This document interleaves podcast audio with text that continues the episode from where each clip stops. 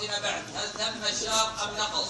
إن كان الشهر قد تم وجب عليه يصوم يومين. إن كان الشهر قد نقص وجب عليه يصوم يوما وإذا كان التحري قد وافق أنه قد صام في اليوم الخامس من رمضان مثلا ثم صام ثلاثين يوما وكان الشهر ثلاثين يوما. ففي هذه الحالة يقضي ستة أيام. يقضي الخمسة الأولى التي فاتته ويكون صومه يوم العيد باطلا. يكون صومه يوم العيد باطلا. ويجب عليه في هذه الحالة أن يعيده لأنه قد جاء في الصحيحين أن النبي صلى الله عليه وسلم نهى عن صوم يومي العيدين. وإذا أتى التحريم في نفس العمل يقضى الفساد. فمن صام يوم العيد فسد صومه ولم يصح. وأما مسألة صوم أيام التشريق هذا له حالتان. الحالة الأولى أن يكون هذا للحاج لغير من لم يجد الهدي فهذا محرم بالاتفاق. فقد قال النبي صلى الله عليه وسلم أيام التشريق أيام أكل وشرب وذكر لله. خرجه مسلم من حديث نبيشة الهذلي. وأما إذا كان هذا لغير الحاج ففي قولان عند العلماء. القول الأول المنع.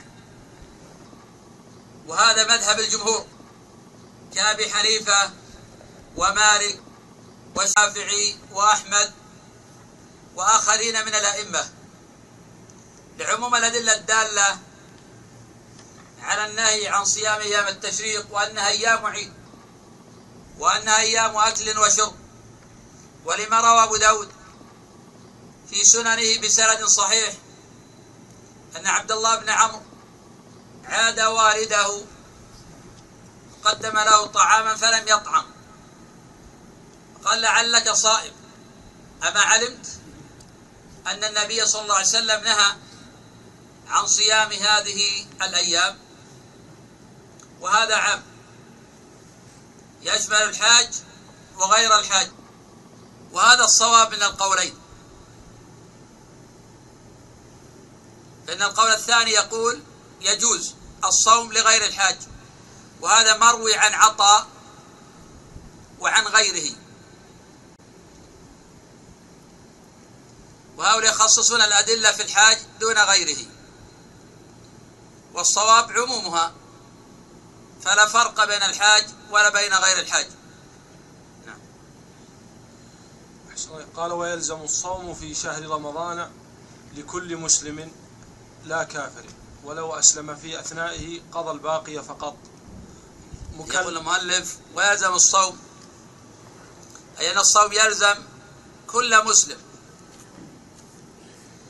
لأن الله جل وعلا قال يا أيها الذين آمنوا كتب عليكم الصيام. فالخطاب للمؤمنين لا للكافرين. وإن كان كفار مخاطبين بفروع الشريعة. ولو صاموا ما تقبل منهم. لأن النية شرط لصحة الصوم والكافر في هذا الموضع لا نية له. ولا تقبل منه النية ولأن الله جل وعلا يقول وما منعهم أن تقبل منهم نفقاتهم إلا أنهم كفروا بالله وبرسوله. فالإسلام شرط في صحة الصيام. فمن لم يكن مسلما لم يصح صومه. سواء كان كفره أصليا أو كان كفر كفر ردة. فإن الصيام لا يصح منه.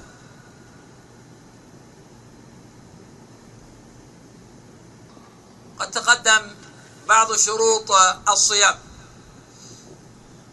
وإذا أسلم في أثناء اليوم إذا أسلم في أثناء اليوم فإنه يمسك بقية هذا اليوم ويصوم ما يستقبل إجماعا. وهل يقضي هذا اليوم الذي أسلم فيه؟ في قولان عند العلماء. القول الأول أنه يقضي هذا اليوم. وهذه رواية عن الإمام أحمد. واستدل هؤلاء بأنه قد جاء في الصحيحين من حديث سلمة بن الأكوع أن النبي صلى الله عليه وسلم أمر رجلا يوم عاشوراء أن ينادي. أن من أكل فليصم بقية يومه. جاء عند أبي داود وقض يوما أكانه.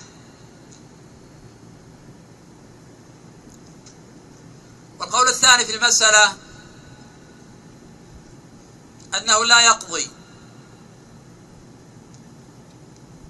لأنه أسلم في أثناء اليوم ولم يكن مخاطبا. والشرائع تتبع العلم.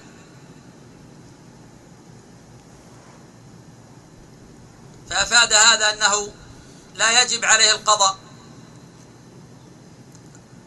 وهذا هو الصواب. أما الرواية الواقعة عند أبي داود وقضوا يوما مكانه فهي منكرة.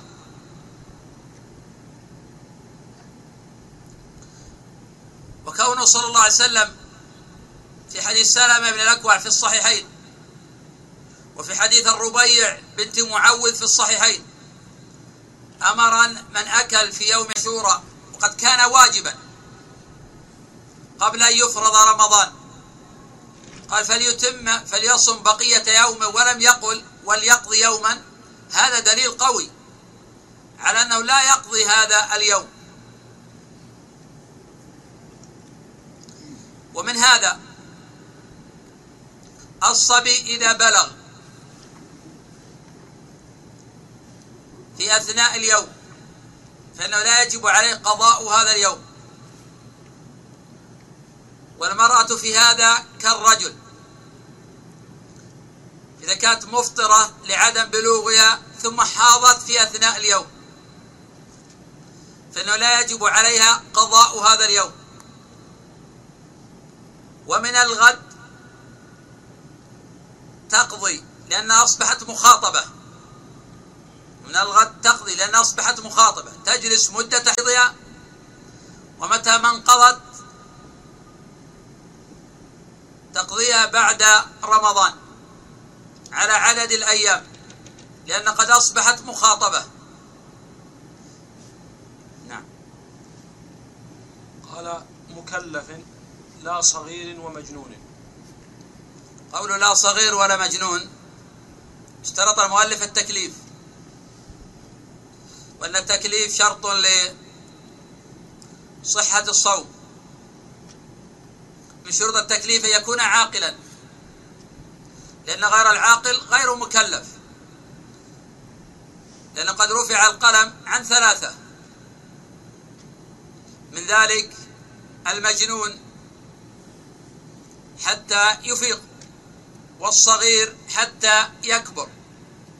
ومن ثم قال المؤلف لا صغير ولا مجنون لأن هؤلاء غير داخلين في الخطاب. ولكن يؤمر الصغير بالصوم تدريبا له وتعليما. لأن الصحابة رضي الله عنهم كانوا يفعلون ذلك.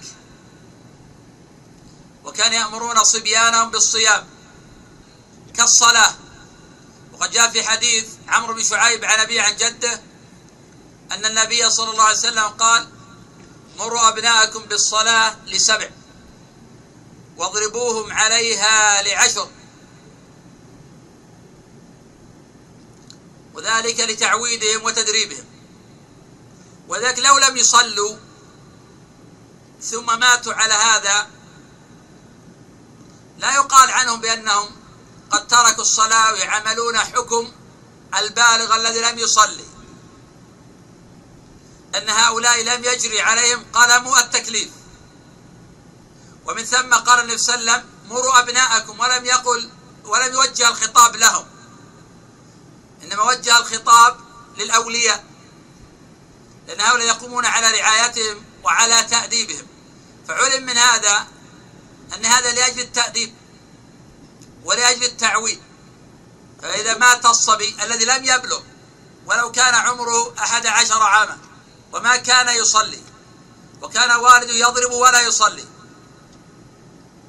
فإن هذا لا يقال أنه قد جرى عليه قلم التكليف ومثل هذا إذا لم يبلغ بجميع علامات البلوغ وكان من أبوين مسلمين فالصواب أنه في الجنة.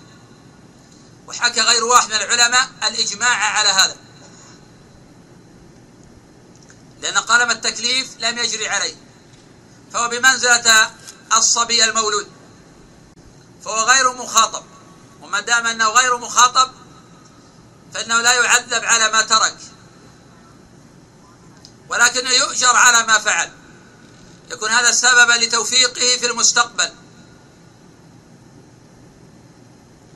وأما ما ذكر المؤلف من المجنون فالجنون مراتب. المرتبة الأولى.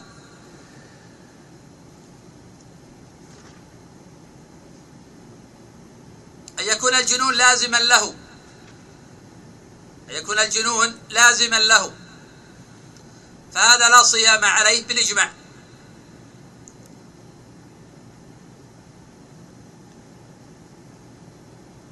الحالة الثانية أن يكون الجنون طارئا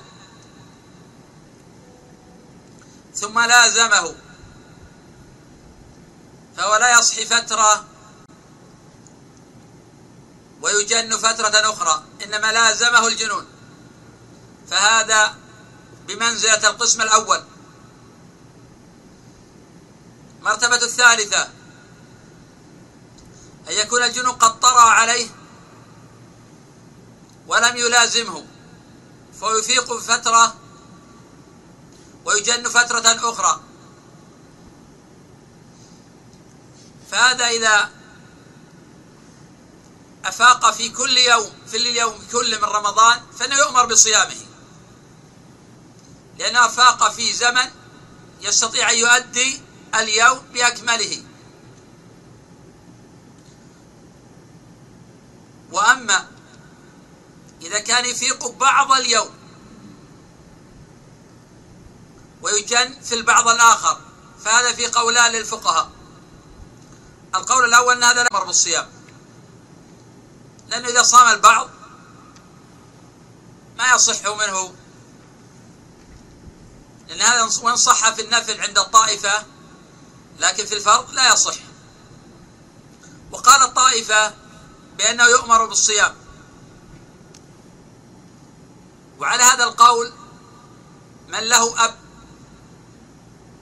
أو عنده مريض قد خرف يفيق بعض النهار. فإنه يأمر بالصوم به وما زال عنه عقله يتركه لو أكل. لكن ينبه وقت الإفاقة بأنه قد صام.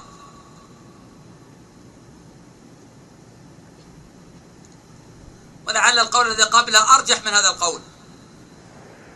أنه ما دام ليس معه عقله ولم يفق كل النهار فإن هذا لا صيام له نعم قال أحسن قادر لا مريض يعجز عنه للآية. وعلى ولي صغير مطيق أم وعلى ولي صغير مطيق أمره به وضربه عليه ليعتاده. نعم هذا قد تقدم. وأن الإنسان يعود أبناءه ويأمرهم بالصيام وإن كانوا غير مكلفين به وغير ملزمين. وإنما هذا من باب التعويد كما كان الصحابة رضي الله عنهم يفعلون. وإذا بكى الصبي جوعا سكنوا جوعه بلعبة أو غير ذلك حتى يمضي عليه الوقت ويأتي وقت الإفطار ليتعود. وبإمكان الإنسان يعود أبناءه ولو صوم بعض النهار حيث يجعل يمسكون إلى الظهر وإن أطاقوا إلى العصر إذا عجزوا يفطرون بعد العصر. ومن الغد يفعل هكذا إلى أن يطيقوا ولو في آخر أيام رمضان. المهم أن الإنسان يعمل الأسباب لتعويد هؤلاء الصغار على الصيام. ولا يهمل. لأن من أهمل الصغار في مثل هذا الوقت قد يستعصون عليه كبارا. والصيام يحتاج إلى تعود. قد يشق عليهم في أول يوم ولكن قد يعتادونه في اليوم الثاني. وبإمكان الإنسان يبدأ معهم بالتدرج. يصومون بعض اليوم ومن الغد أكثر اليوم ومن اليوم الثالث يصومون اليوم كله. إذا اعتادوه أمرهم به وألزمهم به. لأن هذا عمل الصحابة رضي الله عنهم. وحين رأى عمر رضي الله عنه سكران ضربه حين رأى قد أفطر في نهار من ضربه وقال وصبياننا صيام. فأفاد أن الصبيان كانوا يصومون وما كانوا يفطرون. وأما إذا أفطر الكبير عامدا بلا عذر فإن هذا يؤدب ويعزر ويمنع من ذلك منعا لازما. إذا كان لعذر فإنه لا يتراءى أمام الناس بالفطر بل يستتر لئلا يظن به السوء. ومن ثم اختلف الفقهاء في من رأى رجلا يفطر في نهار رمضان ناسيا أو جاهلا هل يجب عليه الإنكار أم لا؟ قولان عند العلماء. القول الأول أن الإنكار واجب لأنه قد رأى منكرا. ولو كان يعلم أنه قد كان ناسيا لأن في الظاهر فعل منكرا فوجب عليه الإنكار. وقال الطائفة لا ينكر عليه ويدعه لأنه يعلم أنه ما تعمد الفطر وإنما قد أطعمه الله وسقاه ولأن الله لا يؤاخذ بذلك. وما دام إن الله عفى عنه فاعف عنه أنت. وفصل بعض العلماء فقال إذا كان فطره أمام الناس وبمرأى منهم فإنه ينكر عليه حتى لا يترتب على ذلك ضرر لئلا يظن به السوء. وأن إذا أما إذا كان في مكان مستتر ومن رآه يعلم أنه صائم فإن في هذه الحالة يدعه ولا ينكر عليه. وهذا قول قوي. نعم. قال وإذا قامت البينة في أثناء النهار برؤية الهلال تلك الليلة وجب الإمساك والقضاء لذلك اليوم الذي أفطره على كل من صار في أثنائه أهلا لوجوبه أي وجوب الصوم وإن لم يكن حال الفطر من أهل وجوبه نعم. ذكر المؤلف مسألة مهمة. وهي أن الناس إذا أصبحوا مفطرين في اليوم الثلاثين وجاء الخبر من النار أن الهلال قد رؤي البارحة. ففي هذه الحالة يمسكون وجوبا. لأن النبي صلى الله عليه وسلم أمر الناس يوم عاشوراء بأن من أكل فليصم بقية يومه وهذا متفق على صحته. ثم ذكر المؤلف مسألة أخرى قال ويقضون.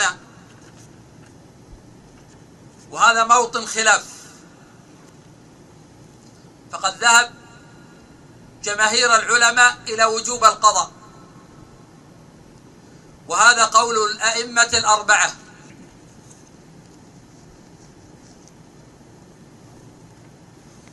لأنه قد أفطر يوما من رمضان. ولأنه لو نقص الشهر يكون قد صام ثمانية وعشرين يوما. والنبي صلى الله عليه وسلم قال الشهر تسع وعشرون. إذا لا شهر دون تسعة وعشرين.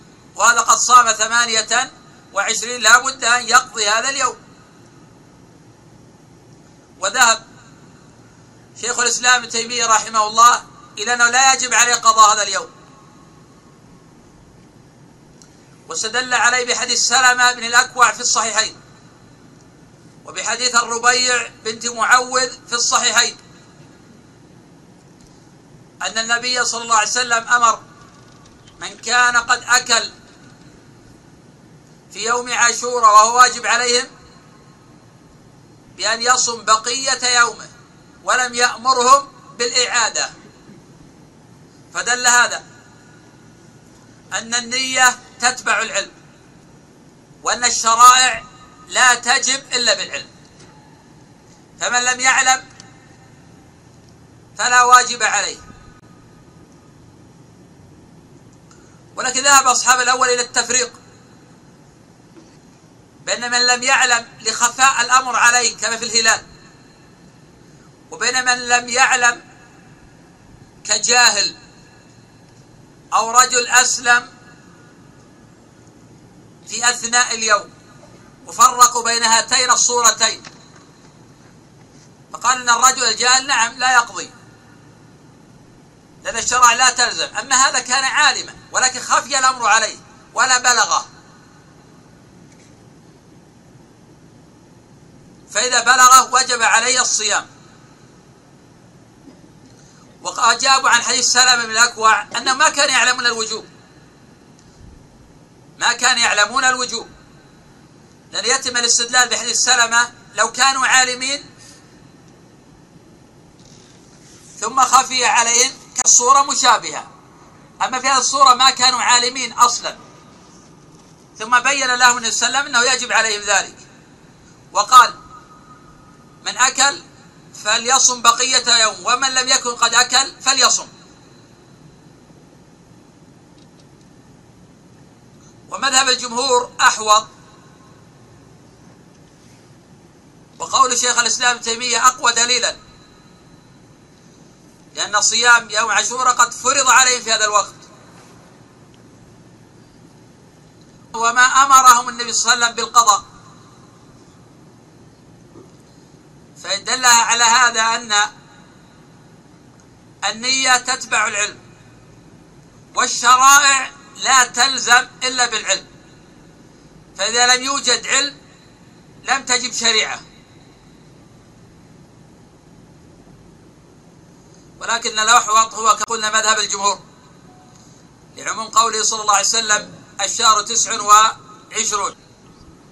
معنى هذا أن الشهر إما يكون ثلاثين وإما يكون تسعة وعشرين. فإذا ما صام هذا اليوم ونقص الشهر يكون قد صام ثمانية وعشرين يوما. وهذا سيجرنا إن شاء الله في حديث إن شاء الله لعله فيها نأخذ نتناوله مسألة الحامل والمرضع. ونناقش قول ابن عباس وابن عمر بأنهم يطعمان ولا يقضيان وأن هذا ضعيف. لأن هذا معنى هذا أنهما لا يصومان شهرا كاملا. وهذا يفتي به طائفة من العلماء. كان ابن عباس يفتي به وابن عمر يفتي به ولا سنيد إليه من صحاح. وأن الحامل والمرضع يفطران ولا يقضيان. ومعنى هذا أنهم ما يصومان الشهر أبدا. والله جل وعلا قال فمن شهد منكم الشهر فليصمه. فليصمه. هذا قد شهد. فواجب عليه الصيام. وإذا منع مانع تعلق بذمته ووجب عليه القضاء. لأن هذا ركن. وهذا الركن ثبت بدليل قطعي. وما ثبت بدليل قطعي لا يزول بقول صاحب من الصحابة. إنما يزول بنص عن رسول الله صلى الله عليه وسلم سيأتي إن شاء الله مناقشة هذا القول في أثناء حديثنا عن الحامل والمرضع. نعم. قال وكذا حائض ونفساء طهرتا في أثناء النهار فيمسكان ويقضيان. قوله وكذا حائض ونفساء طهرتا في أثناء نهار رمضان فيمسكان ويقضيان. إن كانت المرأة بالغا. كانت المرأة بالغة. وقد طهرت في أثناء هذا اليوم. فإن قضاء هذا اليوم مجمع عليه لا نزاع فيه ومن كان هذا وقت بلوغها فقد تقدم. أنه بمنزلة الكافر إذا أسلم. والصواب أنه لا يجب عليه قضاء هذا اليوم. وإنما يجب عليه ما يستقبل. وأما كونه يمسك بقية هذا اليوم فهذا في قولان للعلماء القول الأول أنه يجب عليه الإمساك لأن النبي صلى الله عليه وسلم أمر الناس يوم عاشوراء بأن من أكل فليصم بقية يومه. وهذا المشهور في مذهب الإمام أحمد. والقول الثاني في المسألة أنهما لا يمسكان. وهذا مذهب ابن مسعود ورواية عن الإمام أحمد. لأن من أكل أول النهار فليأكل آخرة. ولأنه لم يتعين عليه هذا اليوم. ومن هذا المسافر إذا قدم مفطرا والمريض إذا طاب في أثناء النهار وقد أفطر. فعلى هذا القول لا يجب عليهم الإمساك. ولا يصح الاستدلال بحديث سلمة فليصم بقية يومه. لأنه الآن قد علم والأول عالم قد أفطر بحكم الشرع. بخلاف الأول قد أفطر عن عدم علم فرق بين الصورتين. فرق بين من أفطر عن عدم علم وبين من أفطر عن حكم شرعي. وبحكم الشرع أفطر. فبالتالي لا يصح قياس هذا على هذا. والصواب في هذه المسألة أن الحائض إذا طهرت في أثناء النهار لا يجب عليها إمساك بقية يومها. لا يجب عليها إمساك بقية يومها. نعم. قال وكذا مسافر قادم مفطرا يمسك ويمسك ويقضي.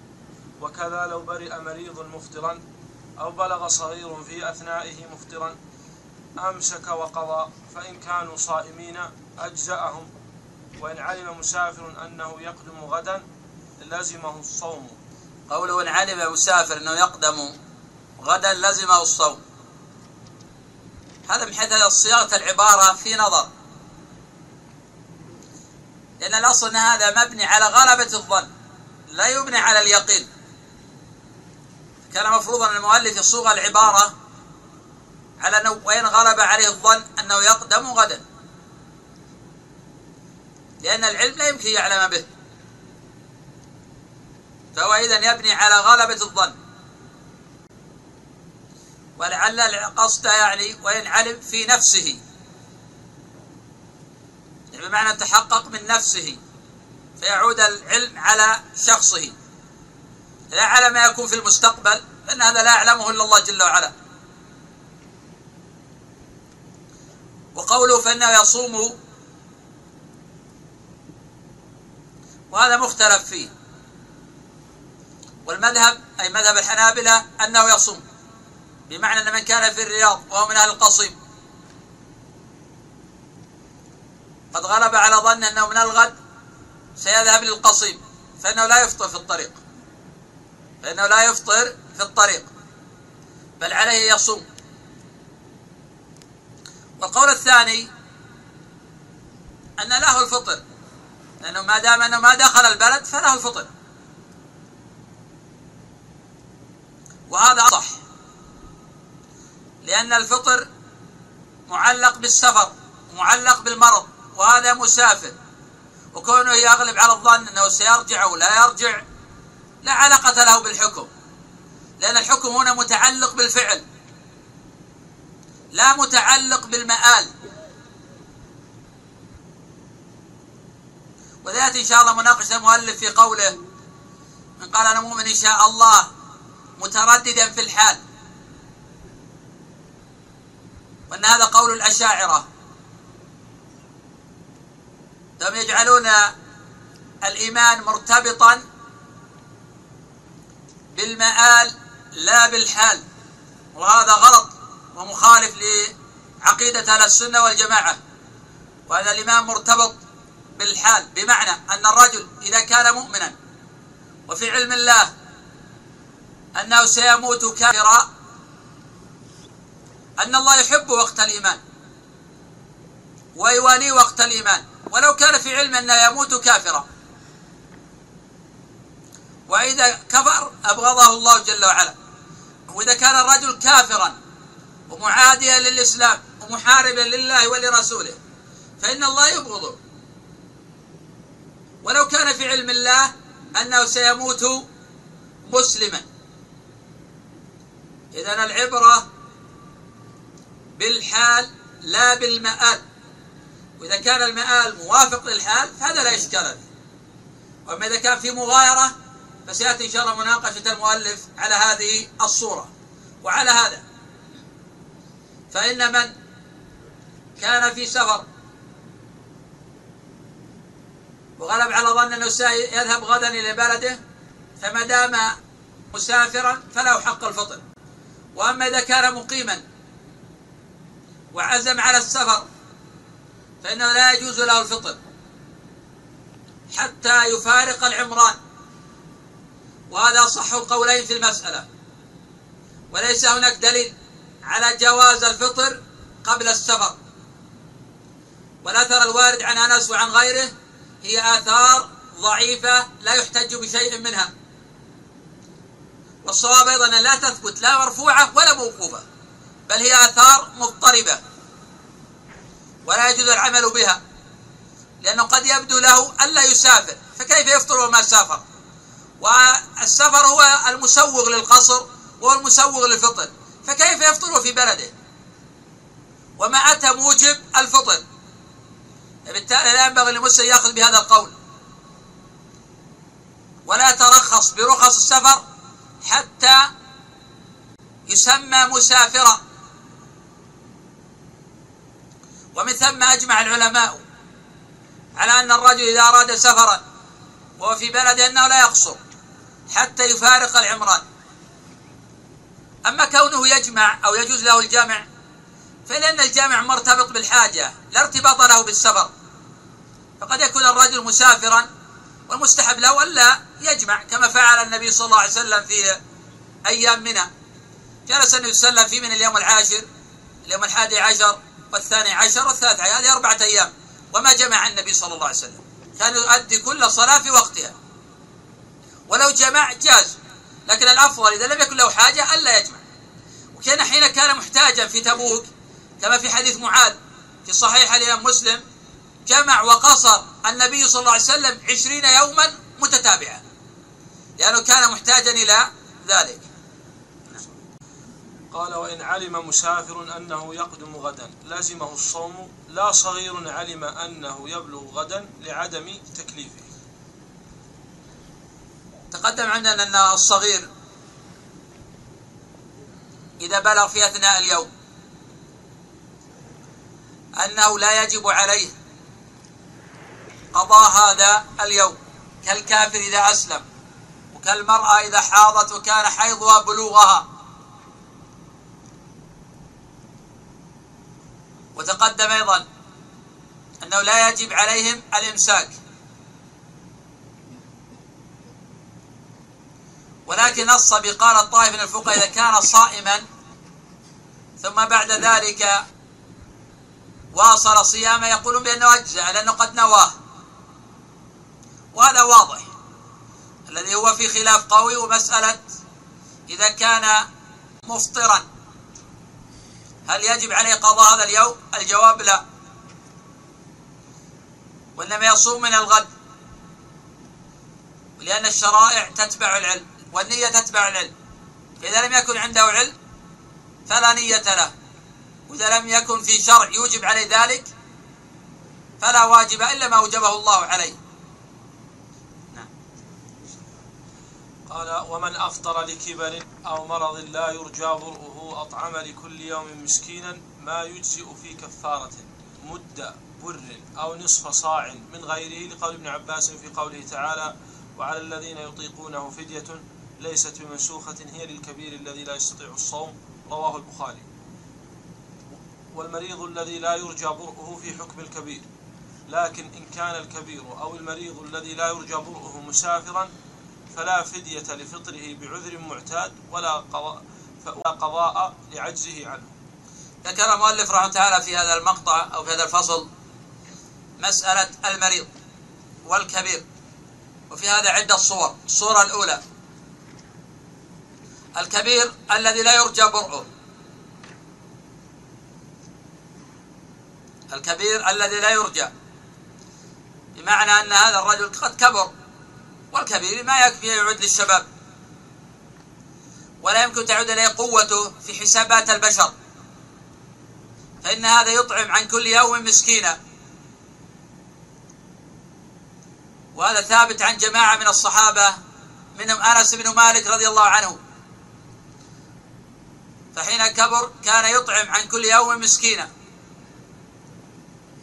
وهذا أفتى به ابن عباس. قال الشيخ الكبير الذي لا يطيق الصيام يفطر ويطعم عن كل يوم مسكينا وهذا إسناد صحيح إلى ابن عباس.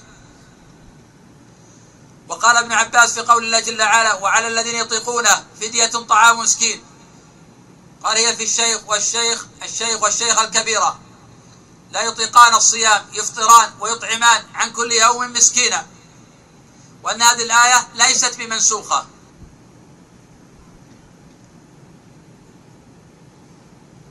واختلف العلماء في كيفية الإطعام.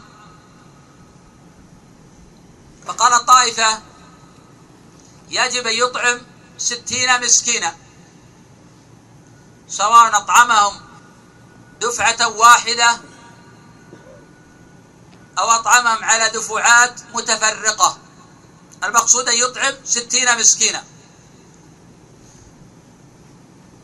وقال الطائفة لو أطعم مسكينا مقدار ستين مسكينا جاز. وهذا مذهب أبو حنيفة وجماعة من الأئمة.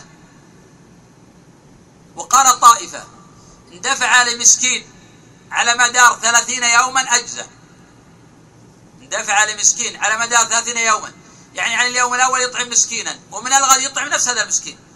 لكن في يوم مستقل وهكذا يفعل. قالوا يجزئ. أما إذا دفع له جملة واحدة فلا تجزئ. لو يطعم ثلاثين مسكينا عن كل يوم يطعم مسكينا. وهذه المسألة اجتهادية. وهي تختلف عن مسألة المنصوص عليها. في من أفطر يوما من نهار رمضان وفيما أوجب الله جل وعلا عليه الإطعام. فذاك على الصواب أنه لو أطعم مسكينا مقدار ثلاثين مسكينا أجزى ولكن الأحوط ألا يفعل هذا. الأحوط ألا يفعل هذا. ويطعم ستين مسكينا. ولو جمعهم جميعا في يوم واحد. وغداهم أو عشاهم. أجزأه ذلك. يعني بمعنى لا يشترط التمليك. لا يشترط التمليك. لأن بعض الفقهاء اشترط التمليك فقال لابد أن يعطيه طعاما يملكه إياه وهو يتصرف فيه. والصواب أنه لا يشترط التمليك. بل لو دعاهم جميعا في نهار في رمضان ففطرهم وعشاهم أجزى أو دعاهم على السحور وطعموا معه أجزى سواء كان في أول الشهر أو في وسط الشهر أو في آخر الشهر كل هذا يجزي. ما هو القدر المجزي؟ القدر المجزي هو الإشباع. القدر المجزي هو الإشباع. إن أعطاه يابسا يعطيه قدر ما يشبعه. وإن دعاه إلى الطعام لابد يطعم حتى يشبع. ليس معنى لابد يأكل حتى يشبع. لا يوجد قدر ما يشبعه. سواء طعم قدر ما يشبع أو توقف قبل ذلك. لا يهم هذا. وأما بالنسبة للمريض فله حالتان. الحالة الأولى أن يكون مريضا لا يرجى بره وذلك في حسابة البشر. كرجل في مرض قرر الطب أن مثل هذا المرض عادة لا يبرأ صاحبه.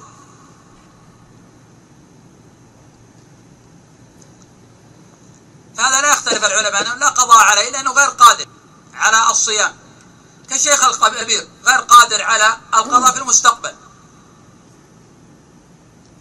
وفي هذه الحالة يطعم عن كل يوم مسكينا لأنه بمنزلة الشيخ الكبير. والحالة الثانية أن يرجى برؤه في هذا المرض فإن هذا لا يطعم بل ينتظر حتى يبرأ ثم يقضي مكان ما أفطر. واختلف الفقهاء في قدر المرض المسوغ للفطر. قال طائفة من الفقهاء أن كل مرض يسوغ الفطر. وهذا في نظر. إن معنى هذا أن الإنسان إذا أصابه صداع أفطر. ولو بدون مسوغ للفطر ولو كان قادرا على الصيام. ومعنى هذا أنه إذا أصابه ألم معنى أن الزكمة مرض. معنى هذا أنه يفطر. التعميم هذا في نظر. القول الثاني أن المقصود بالمرض الذي يسبب يلحقه ضررا. فهذا هو الذي يفطر. هو المرض الذي لا يطيق الصبر عليه يحتاج إلى علاج. يتناوله. فإن هذا يفطر. في صورة ثالثة إذا كان يشق عليه الصيام وصام وفي حسابات البشر أن هذا الصوم يضره. فيما يعطل بعض أعضائه أو أنه يضاعف من مرضه. قال بعض الفقهاء يستحب أن لا يصوم لكن جزم غير واحد من الأئمة بأن هذا الصيام محرم.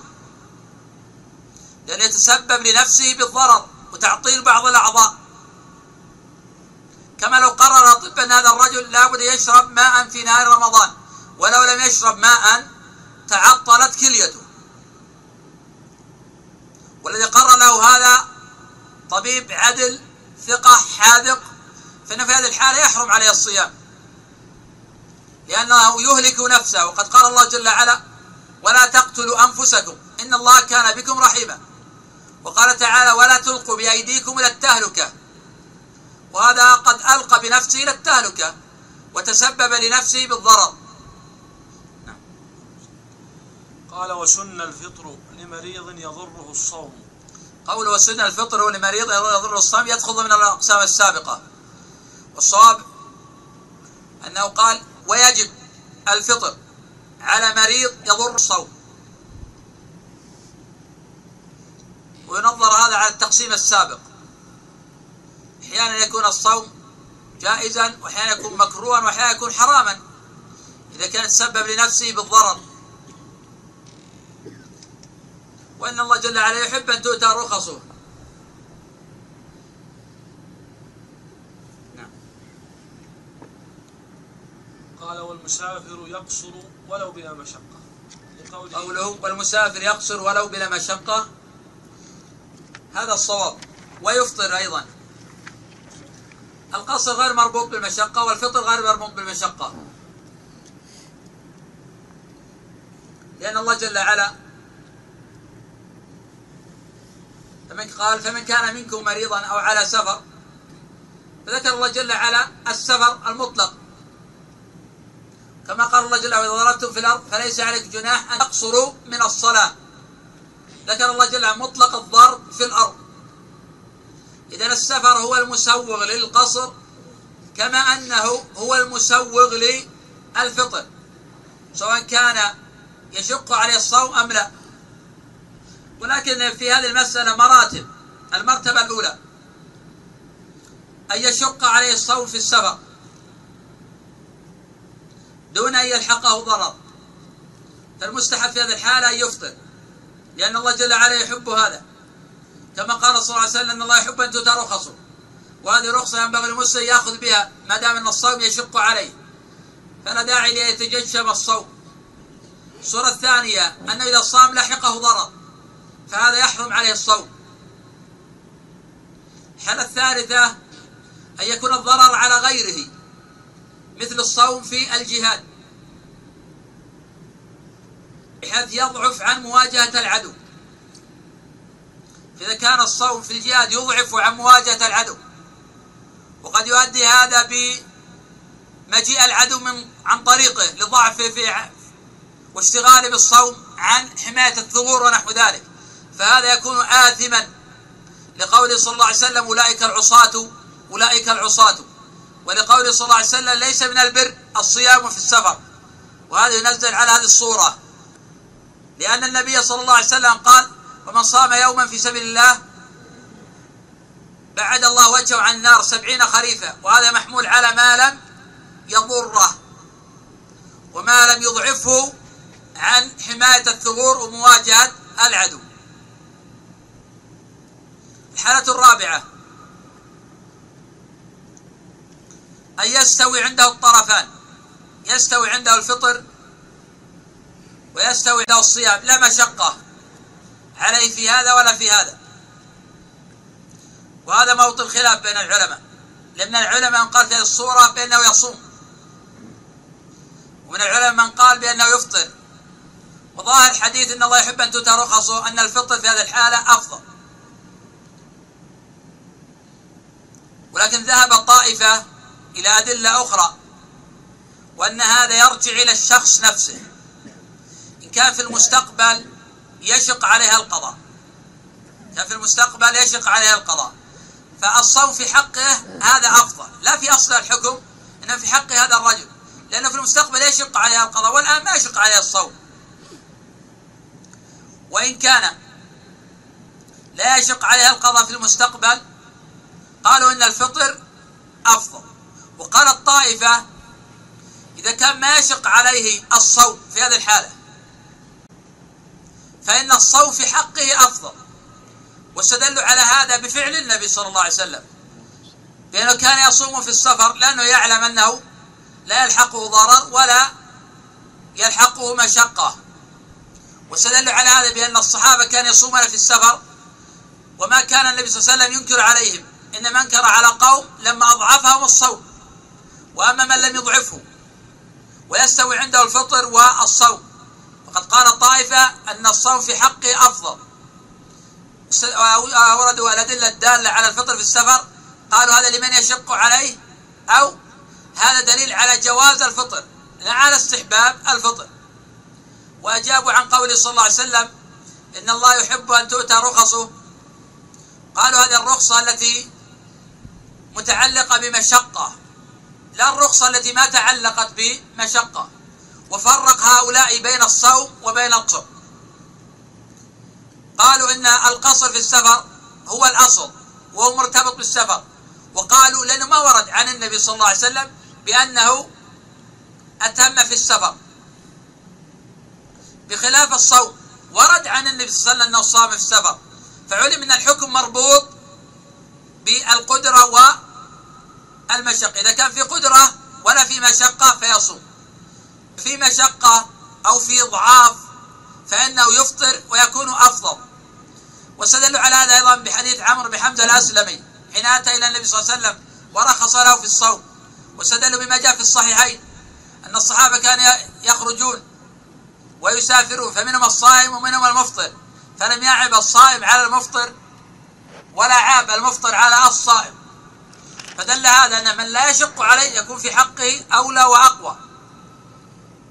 وهذه أدلة كما هي ظاهرة قوية. فعلى هذا يفرق بين الصوم في السفر والقصر في السفر. القصر في السفر مشروع مطلقا. سواء قيل بوجوبه كقول ابي محمد بن حزم أو قيل باستحبابه كما هو قول الجمهور والصواب. وجدت مشقة ما وجدت مشقة. ولأنه لم يذكر عن النبي صلى الله عليه وسلم أبدا أنه أتم في السفر. بمجرد يفارق عمران البلد فإنه يقصر بخلاف الصوم. كان النبي صلى الله عليه وسلم يحث أمته على الفطر أو رغبهم في الفطر لأن حتى لا يشق عليهم. أما من لم يشق عليه فإنه يأخذ بفعل النبي فإنه كان يصوم. وفعل عدد من الصحابة فإنهم كانوا يصومون لأنه ما كان يشق عليهم. وهذا مأخذ هذا القول. قال والمسافر يقصر ولو بلا مشقة لقوله تعالى فمن كان منكم مريضا أو على سفر فعدة من أيام أخر. ويكره لهما الصوم. ويجوز وطء لمن به مرض ينتفع لمن به مرض ينتفع به فيه ولا كفارة فيه. أو به شبق ولم تندفع شهوته بدون الوطء. ويخاف تشقق أنثييه ولا كفارة ويقضي ما لم يتعذر لشبق فيطعم كالكبير. ذكر المؤلف رحمه الله تعالى مسألة من به شبق وهو اللي به شهوة. لا يستطيع الصبر عن الجماع ويلحقه ضرر ولو فعل هذا. للحقه مرض وقد يؤدي به إلى الهلاك. طبعا هذا نادر في الناس لكن الفقهاء دائما يذكرون مسائل احتمالية ولو كانت نادرة. أو يذكرون المسائل ولو كانت نادرة الوقوع. وذكر أولا من به حاجة إلى الجماع ينتفع فيه. ومعنى هذا أنه سيجامع امرأة ما وجب عليها الصوم. وأما يجامع امرأة وجب عليها الصوم فهذا لا يمكن أبدا. حتى لو كان به شبق لأنه لا يمكن أن يجعل المرأة تفطر لصالح هذا الرجل. إلا إذا قرر الأطباء بأنه لو لم يفعل هذا لهلك. فيكون في هذا إنقاذ حياة مسلم. تكون هذا من باب الضرورة. المؤلف يقول يفطر في هذه الحالة. إذا كان هذا هو السبيل. يعني لا سبيل إلا إلى الجماع. أما لو كان هناك سبيل آخر وهو الاستمناء باليد أو بالفراش أو بغير ذلك. فإن الفقهاء يقولون لا يجوز أن يجامع ما دام قادرا على أداء أو دفع الضرر عن طريق الاستمناء. لأن الضرر يدفع بالأخف فالأخف. فلا تنتقل إلى الأعلى وأنت قادر على دفع الضرر بالأخف. لأن هذا مخالف لأصول وفقه الشريعة. فعلى هذا من به حاجة إلى جماع. ولو لم يفعل لحقه ضرر ونكرر بأن هذا نادر. فلا ترخص بالإنسان إذا قوي شهوته. يتصور أن هذا هو المقصود. المقصود الذي يلحقه ضرر ومرض. وتنتفخ خصيته لو لم يفعل من الشبق للمرض الذي موجود عنده. فإن هذا نقول يستمني إذا كان هذا هو السبيل إلى دفع هذا الضرر. وإذا ما كان هذا هو السبيل لدفع هذا الضرر يرخص له في الجماع يقول الفقهاء ولا كفارة عليه في ذلك. لأن هذا فعله من باب دفع الضرر عن نفسه. وما كان من باب دفع الضرر فلا كفة فيه. وأكرر إذا كان يستطيع دفع الضرر بغير الجماع فهذا هو المتعين عليه ولا يحق له الجماع. بمعنى لو كان يستطيع دفع الضرر عن طريق الاستمناء ثم لجأ إلى الجماع مالت إلى الشهوة إلى الجماع وقال ما دام أدفع الضرر ألجأ إلى الجماع وترك الأخف ولجأ إلى الأعلى. فنقول في هذه الحالة تجب عليه كفارة فنقول في هذه الحالة تجب عليه الكفارة المغلظة. وذلك بأن يعتق رقبة. فإن لم يستطع فإنه يصوم شهرين متتابعين. فإن لم يستطع فإن يطعم ستين مسكينا وهذا الكفارة على الترتيب كما سيأتي إن شاء الله الحديث عن ذلك في باب الكفارات.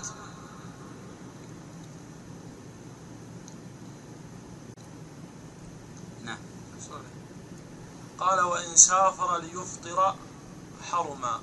نعم. يقول المؤلف وإن سافر ليفطر حرما. كما نتقدم أيضا قوله في مسألة المسافر وأنه إذا كان له أو عنده مرض لا يرجى بر أو عن كبر ثم سافر المؤلف يقول لا كفارة عليه. تغليبا المؤلف غلب جانب الكبر غلب جانب السفر على جانب الكبر لأن مسافر الأصل لا يجب عليه الصوم. ولكن في قول ثاني في المسألة كفارة مشروعة في حقه وواجب عليه. ولو كان مسافرا. لأن هذا السفر ما غير الحكم. لأن السفر ما غير الحكم. لو بقي في بلده ما استطاع الصوم. فالذي سوغ له الفطر ليس هو السفر إنما هو المرض. وهذا يعني أن هذا القول أقوى مما ذكر المؤلف فيما تقدم. وعلى هذا إذا كان المريض الذي لا يرجى برؤه أو الكبير قد سافر فإنه يكفر. ولا نقول إن السفر هو مانع من الصوم أو مسقط للصوم فعلى ذاك نقول ولو بقي هو مفطر مفطر. يعني السفر ليس هو الذي سوغ له الفطر. ليس هو الذي سوغ له الفطر. فهذا يعطي قوة للقول الآخر. المؤلف ذكر أنه لا كفارة عليه. والقول الآخر أن عليه الكفارة. ثم ذكر المؤلف مسألة أخرى في هذا المقطع. مسألة من سافر ليفطر. من من سافر ليفطر وهذا موجود في بعض الناس. يسافر لكي يفطر لكي يجامع. اختلف الفقهاء في هذه المسألة على قولين. القول الأول أن له هذا. لأن السفر هو المبيح للفطر. فإذا سافر بنية قصد السفر أو بنية الجماع أو الفطر جاز له هذا. وهؤلاء راعوا مسألة السفر ولم يراعوا النية ولا القصد. ولم يراعوا النية ولا القصد. والقول الثاني هو ما ذكر المؤلف وهو مذهب الإمام أحمد وجماعة من الأئمة أنه لا يجوز أن يسافر ليفطر لأن هذا احتيال لا يجوز. وإنما شرع السفر أو شرع الفطر في السفر إذا كان له حاجة في السفر. أما إذا لم يكن له حاجة وإنما سافر ليجامع سافر ليفطر فهذا متلاعب فيعامل بنقيض قصده يعامل بنقيض قصده. كالمحلل الآن الرجل لو تزوج امرأة طلقت في الثلاث امرأة طلقت بالثلاث وتزوجها رجل بقصد تحليلها للآخر حرم ولو تزوجها بنية الاستمتاع بها ثم ما أعجبته طلقها. جازت للأول. إذا النية غيرت الحكم. وقد لعن النبي صلى الله عليه وسلم محلل ومحلل له. وذلك على حسب النية. وفي هذه المسألة إذا ترجع إلى النية. والأعمال بالنيات. فمن كان له حاجة في السفر وسافر فهذا له حكم. ومن ليس له حاجة في السفر إنما له حاجة بالجماع أو حاجة بالفطر ثم سافر فهذا في نوع تحايل والراجح منع هذه الصورة. وأنه يمنع من الفطر معاملة له بنقيض قصده. ومعاملة الرجل بنقيض قصده له أصل ثابت في الشرع. وله نظائر كثيرة في الشرع. كالرجل لو طلق امرأته في مرض الموت حتى لا ترثه فإنه يعامل بنقيض قصده. وكالرجل لو قتل أباه ويعلم أن الورث سيعفون ليرثه فإنه يعامل بنقيض قصده ولا يورث. ولهذا له نظائر. ومن هذا القبيل مسألة مهمة وكبيرة. رجل وهي مسألة عظيمة وواقعية وهي من أكبر مسائل في باب الصيام. مسألة رجل أراد أن يجامع أراد أن يجامع. في نهار رمضان. ضعيف إيمان أراد أن يجامع. قال بدل ما أجامع تجب عليه كفارة مغلظة أكل أو أشرب قبل أن أجامع فإذا أكلت أو شربت جامعت لأني قد أفطرت. فلا تجب عليه الكفارة. يجب عليه في المستقبل قضاء يوم واحد. تسقط عني الكفارة. اختلف العلماء طبعا هذه من النوازل العظيمة في باب الصيام. اختلف العلماء في هذه المسألة العظيمة الكبيرة. فقال طائفة هذا رجل خبيث وهذا رجل فاسق. لا يمكن يمكن من نيل غرضه بلا عقوبة تردعه. ولأن فتجب عليه كفارة ولأنه لو فتح هذا المجال ولم تجب كفارة لأوشك كل رجل بدل ما يجامع يفطر ثم لا جامع. ثم حصل تلاعب وعبث في أحكام الشريعة. فأفتى غير واحد من الأئمة بأن هذا يلزم بالكفارة وهذا الذي ذهب إليه الإمام أحمد رحمه الله تعالى. وقال هذا تجب عليه كفارة.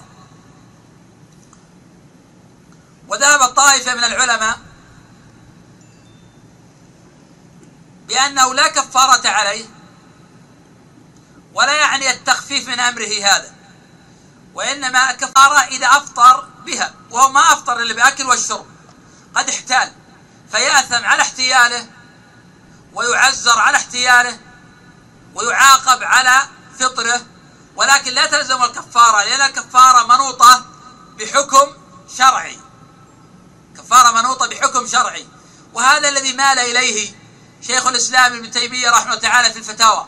فقد عرضت عليه هذه المسألة. مع أنها معروضة في عصر الإمام أحمد وعصر الإمام الشافعي. فاختلف هؤلاء الأئمة في ذلك. أما شيخ الإسلام مال إلى قول من قال لا كفارة وأن هذا لا يعني التخفيف.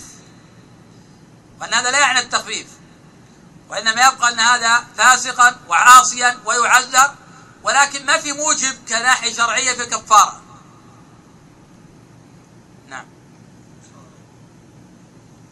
قال وإن نوى حاضر صوم يوم ثم سافر في أثنائه فله الفطر إذا فارق بيوت قريته إذا فارق بيوت قريته ونحوها لظاهر الآية والأخبار الصريحة والأفضل عدمه.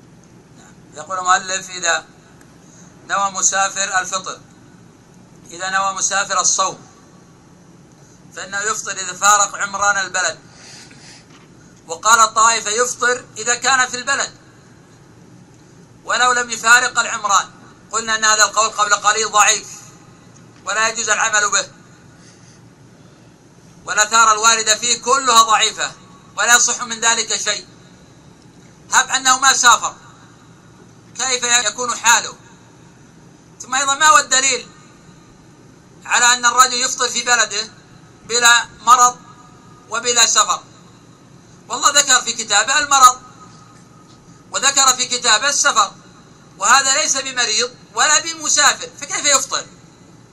فذاك الصواب أنه لا فطر له في هذه الصورة. وأما إذا فارق عمران البلد وقد أفطر صائما فإن هذا يجوز يترخص برخص السفر. وإن كان بعض الفقهاء نعم يقول في هذه الصورة أن الأفضل أن يصوم. فهم يفرقون بين من صام قبل الشروع فيه سافر قبل الشروع بالصوم وبين من شرع في السفر بعد الصوم. يرون من شرع بالسفر بعد الصوم فإن الأولى أن يتم. ولكن له رخصة في هذا. لأنه يعتبر مسافرا والمسافر له رخصة في الفطر. أما المسألة التي لا رخصة له فيها على الصواب وقول الجمهور فذلك أن يفطر وفي بلده. لا رخصة له في ذلك. والآثار المروية قلنا في هذا منكرة ومضطربة ولا يصح العمل بها. قال وإن أفطرت حامل أو أفطرت مرضع خوفا على أنفسهما فقط أو مع الولد قضتاه أي قضت الصوم فقط من غير فدية لأنهما بمنزلة المريض الخائف على نفسه. وإن أفطرتا خوفا على ولديهما فقط قضتا عدد الأيام وأطعمتا أي وجب على من يمون الولد أن يطعم عنهما لكل يوم مسكينا ما يجزئ في كفارة. لقوله تعالى وعلى الذين يطيقونه فدية طعام مسكين قال ابن عباس كان آه، كانت رخصة للشيخ الكبير والمرأة الكبيرة وهما يطيقان الصيام. أي آه، كان رخصة للشيخ الكبير والمرأة الكبيرة وهما يطيقان الصيام أن يفطرا ويطعما مكان كل يوم مسكينا. والحبلى والمرضع إذا خافتا على أولادهما أفطرتا وأطعمتا رواه أبو داود. وروي, وروي عن ابن عمر وتجزئ هذه الكفارة إلى مسكين واحد جملة. ذكر المؤلف رحمه تعالى مسألة الحامل والمرضع. وفرق المؤلف بين هاتين بين الصورتين صورة إذا أفطرتا لمصلحتهما وبين إذا أفطرتا لمصلحة ولديهما. فإذا أفطرتا لمصلحتهما أو لمصلحتهما ومصلحة ولديهما قال يقضيان ولا يطعمان. لأن هذا بمنزلة المريض وما ذكر الله جل وعلا عن المريض إطعاما. وأما إذا أفطرتا لمصلحة ولديهما فقط. فإنهما يقول المؤلف يقضيان ويطعمان. والطعام في مقابلة الفطر عن ولديهما لا عن نفسيهما. والإطعام ثابت عن جماعة من الصحابة رضي الله عنهم. ولكن من ثابت عنهم الطعام من الصحابة هم لا يقولون بالقضاء أصلا.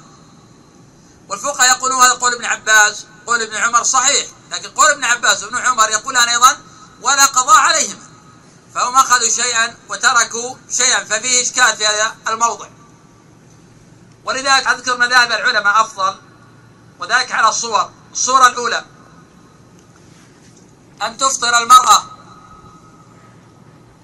أن تفطر الحامل والمرضع خوفا على نفسيهما أو على ولديهما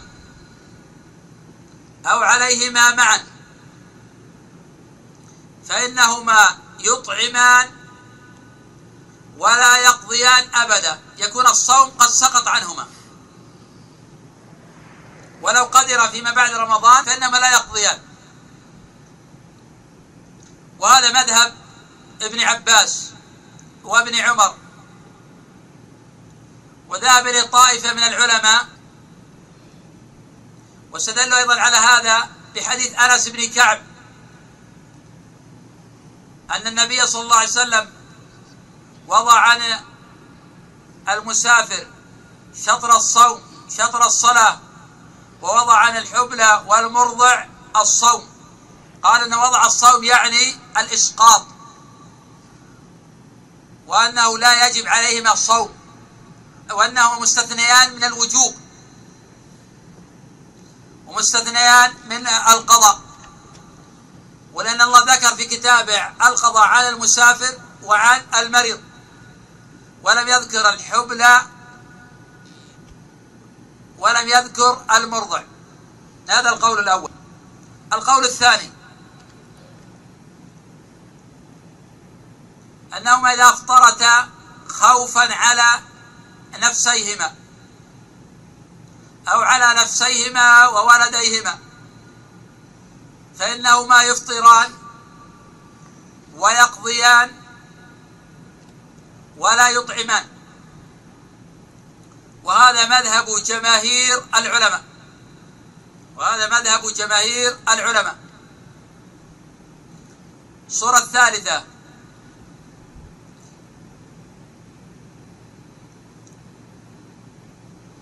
إذا أفطرتا خوفا على ولديهما.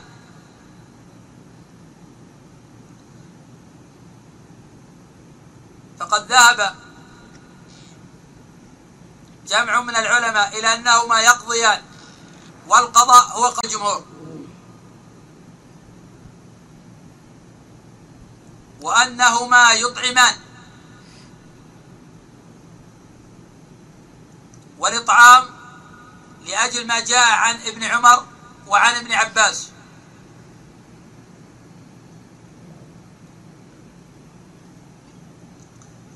وذهب طائفة من العلماء إلى التنسيق والجامع بين هذه الأقوال. فقالوا أما الإطعام فلا دليل عليه سواء أفطرت خوفا على نفسيهما أو على ولديهما. لا دليل على الإطعام. لأن من قال بالإطعام لم يقل بالقضاء ففرق بين الصورتين. وأما القضاء فهو واجب. لأن الله جل وعلا أمر المؤمنين به فلا يسقط الصيام عن أحد. وهذا الصواب أن الحامل والمرضع يجب عليهما القضاء مهما كان. ولا يسقط عنهما الصيام بحال. وأما حديث أنس الكعبي أن النبي صلى الله عليه وسلم وضع عن الحامل والمرضع الصوم أي وضع عنهما الوجوب ولم يضع عنهما القضاء. كوضعه صلى الله عليه وسلم عن المسافر شطر الصوم وشطر الصلاة. بمعنى أن هذا رخصة لهما بالفطر وليس معنى كأنهما ما يقضيان.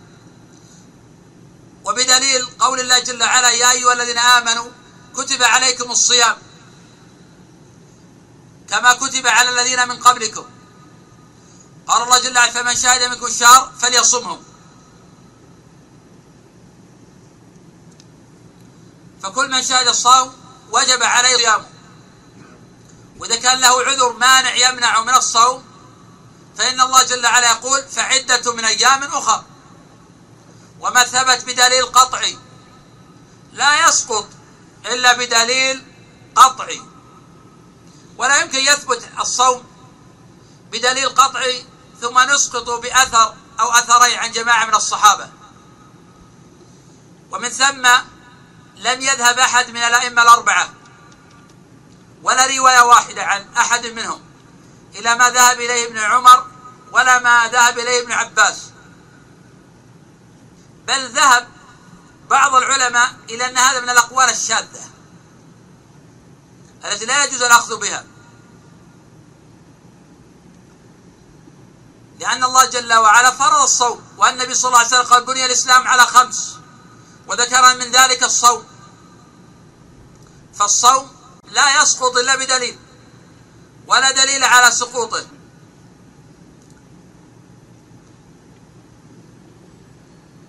وأجاب هؤلاء عن أثري ابن عمر بن عباس بأن هذا اجتهاد منهما. وأنكروا هؤلاء يكون لهما حكم المرفوع. لأن من العلماء من قال بأن لهما حكم المرفوع. لأن هذا لا يقال عن اجتهاد. فكيف يسقطان الصوم عن اجتهاد؟ إنما هذا عن علم وعن فقه خاصة ابن عباس معروف بقوة الاستنباط وأن ابن عمر معروف بقوة الورع والاتباع. فاتفق الطرفان. هذا وهذا فأعطى قولهما قوة وأن هذا نتيجة بناء على نص وأنه لم يجعل اجتهاد في هذا. وهذا في نظر فإن هذا قد يبدي على الاجتهاد وذلك قد يكون قد فهم من قوله صلى الله عليه وسلم ووضع عن الحامل موضع الشطر أو وضع عن الحامل موضع الصوم فهم منه الإسقاط وأنه لا قضاء. قد يكون هذا مبني على هذا وهذا غير بعيد.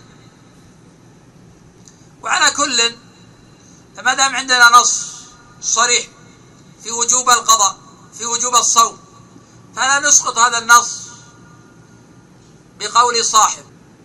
وإن كان له منزلة وله قدر وإن كان قوله معتبرا لكن ورد ما يعارضه والمعارض له قطعية ثبوت قطعية دلالة أيضا. ولكن هما يقولان هذا مستثنى من هذا بمعنى أن هذا ما دخل في هذا أصلا. وأيدوا هذا القول بقوله جل وعلا فمن كان منكم مريضا أو على سفر. يقول إن الله ما ذكر إلا المريض والمسافر.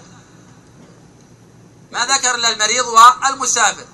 والحامل ليست بمنزلة المريض والمرضع ليست بمنزلة المريض.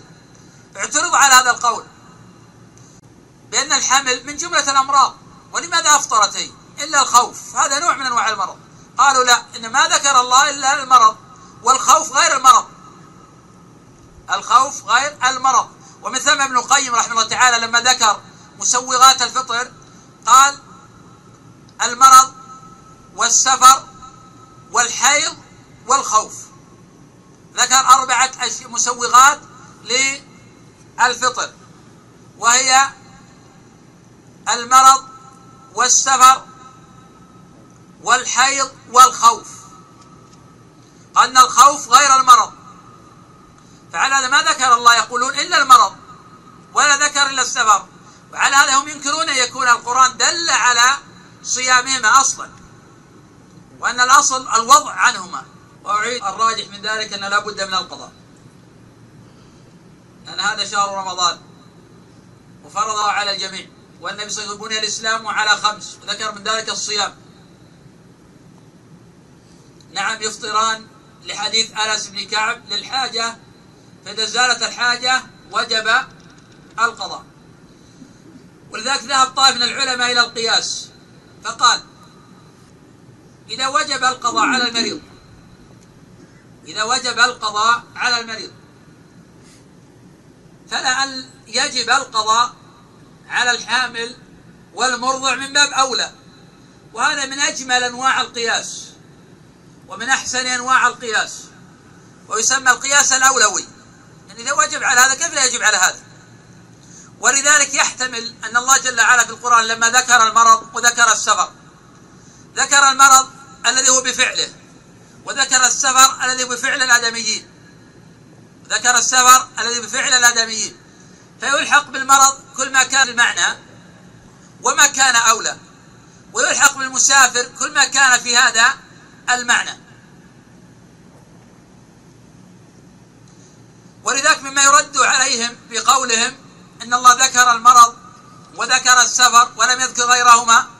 نقول أرأيتم لو أن رجلا سكر في نهار رمضان ثم أفطر؟ بأي شيء يلحق هذا؟ الله ذكر المرض وذكر السفر. ذكر الله المرض وذكر السفر ولم يذكر السكر.